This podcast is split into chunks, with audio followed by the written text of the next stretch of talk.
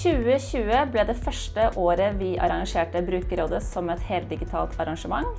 Og siden vi hadde så stor suksess i fjor med over 1800 fornøyde brukere, blir også årets brukerråd heldigitalt. Vi har allerede startet planleggingen. Og hva tror vi dere er opptatt av å høre mer om? Jo, det skal vi snakke om i denne podkasten. Og forhåpentligvis får vi tilsendt mange innspill fra dere som lytter.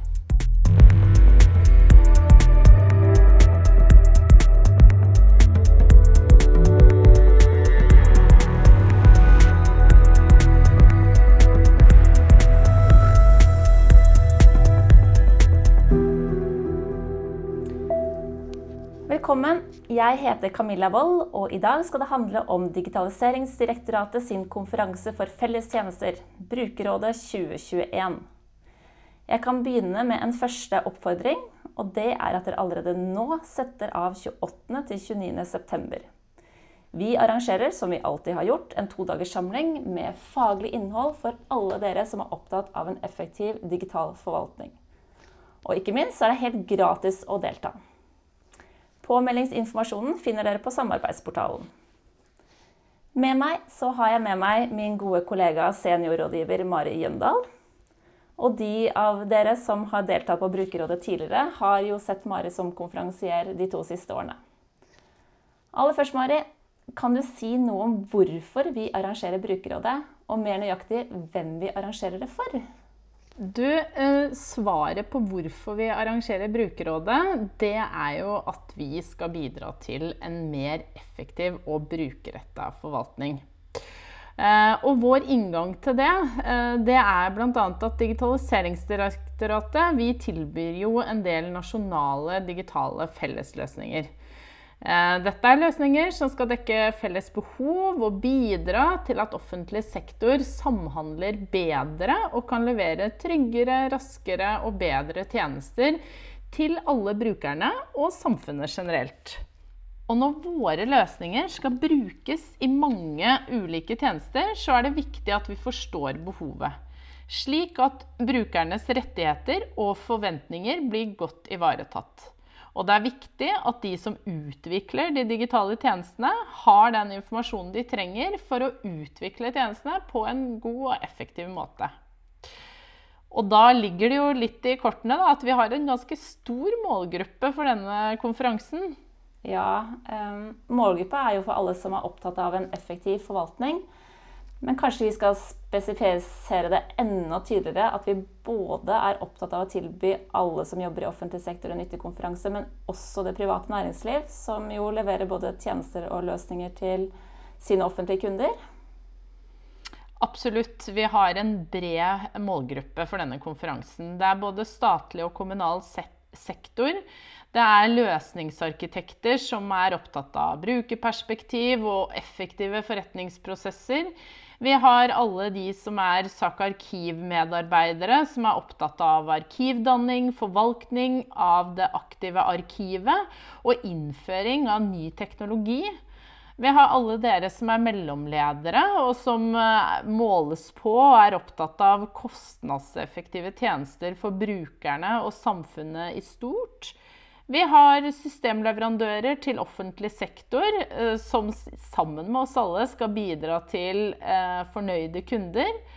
Og alle egentlig med interesse for å skape en enklere, raskere og mer effektive tjenester for brukerne og samfunnet ved hjelp av digitalisering.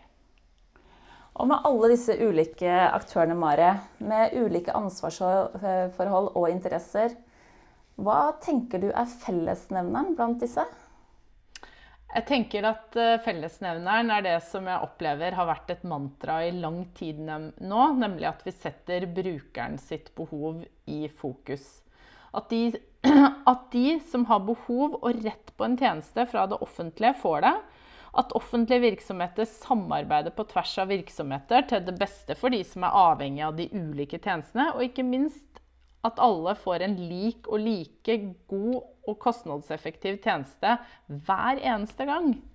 Og nå syns jeg vi beveger oss inn i et eh, spennende tema, eh, tema, nemlig sammenhengende tjenester. Eh, for det er jo ingen hemmelighet at forvaltningen på mange områder får kritikk for at vi ikke klarer å samhandle bedre på tvers av forvaltningsnivåer da, til det beste for brukerne.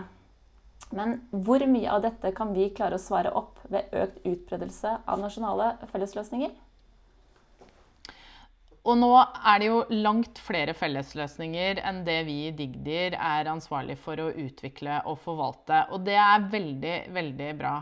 Men hvis jeg skal snakke ut ifra vårt ansvar da, og de fellesløsningene som Digdir er ansvarlig for, så mener jeg at vi kan bidra til bedre eh, samhandling, sikkerhet og åpenhet. Det er i hvert fall mye bedre at vi lager løsninger som dekker felles behov bare én gang, og ikke flere ganger. Det er kostnadseffektivt. Og her er vi vel kanskje inne um, inntil kjernen av brukerrådet. Hvordan skal vi sørge for at vi bruker fellesløsningene til det beste for brukernes prosess, og at vi møter forventningene fra samfunnet om effektiv bruk av offentlige ressurser? Ja, og Derfor så mener vi at Brukerrådet er en viktig konferanse som kan sette søp søkelyset på dette på en eh, god og konkret måte. Hvilke fellesløsninger har vi? Hva er verdien av å benytte de? Og hva har vi for videre strategi for disse fellesløsningene? Og ikke minst kan vi være mer konkrete da, på hvordan vi kan få til det, dette mer effektive samarbeidet på tvers til det beste for brukerne. Kan du nevne et par eksempler på hva du tenker på her? Ja, altså De fleste som lytter til denne podkasten, er jeg helt sikker på at uh, kjenner f.eks. ID-porten, som er en uh, sikker og felles uh, påloggingstjeneste for offentlige tjenester på nett. Det er et utrolig godt eksempel på en fellesløsning som vi har utvikla én gang, og som i dag gjenbrukes av hele offentlig sektor. Et annet godt eksempel er jo Altinn-plattformen. Og det som vi så, da, og som vi har sett gjennom en rekke år, selvfølgelig, men i 2020 så hadde vi en stor økning i bruken av de nasjonale fellesløsningene. Særlig ID-porten, kontakt- og reservasjonsregisteret og Altinn har opplevd en svært sterk vekst. Eh, for ID-porten så var det så kraftig at i mars i fjor så fikk vi en dobling. Eh, og for hele året så endte vi opp med en økning på hele 40 40 Uh, og det er nok en utvikling som vi kommer til å se mer og mer av fremover. Og jeg kunne ha fortsatt på dette veldig lenge. Og jeg tenker at veksten i seg selv er jo ikke målet her. Men målet er jo at vi tilbyr bedre uh, tjenester gjennom digitalisering. Og det at vi ser en så høy, sterk vekst i bruken av nasjonale fellesløsninger, det gir oss jo en pekepinn på at det er en høy digitaliseringstakt i offentlig sektor. Det er mange nye tjenester som både tilbys, men ikke minst også konsumeres og brukes av innbyggerne i Norge. Og dette er fellesløsninger som kan brukes i utviklingen av nye og sammenhengende tjenester. Ja, Fellesløsningene er viktige brikker eh, for å legge til rette for sammenhengende tjenester. Eh, vi vet jo at det å etablere gode sammenhengende tjenester på tvers i offentlig sektor med privat næringsliv og innbyggere, det er krevende på ganske mange nivåer. Eh, og da tror vi at eh, bruken av kjente og etablerte løsninger det er bare både ressursbesparende og forenklende og tryggere for alle. Mm. Da tenker jeg at tiden er inne for å dele hva vi har tenkt så langt om hva vi skal fylle de to dagene med av innhold. Og det er jo her vi ønsker og lufte tankene for at eh, da lytterne kan komme med, med innspill i etterkant. Absolutt, fordi eh, dette er vi jo ikke helt uh, i mål med, da. Men uh, det vi har tenkt så langt, er at vi, skal, vi ønsker å se litt nærmere på hvordan fellesløsningene kan bidra til økt informasjonssikkerhet, og ikke minst hvordan de bidrar til at innbyggere, næringsliv og frivillig sektor opplever en mer tilgjengelig og åpen offentlig forvaltning. Det føles jo litt repeterende å si det, men digitaliseringen har jo virkelig skutt fart nå i koronatiden. Og det er vi jo kjempeglad for. Men det er også sånn at det bidrar til at vi møter noen nye utfordringer. da. For hva skjer f.eks. med sikkerheten til all den informasjonen som nå deles digitalt? Og er vi gode nok for å sørge for at den ivaretas på en god måte? Og hvilken rolle spiller egentlig fellesløsningen i dette arbeidet? Jeg tror at eh, mange nok eh, vil oppleve at eh, når de bruker en digital tjeneste, så kan den oppleves som både mer tilgjengelig enn når vi måtte møte opp på et kontor og signere et papir.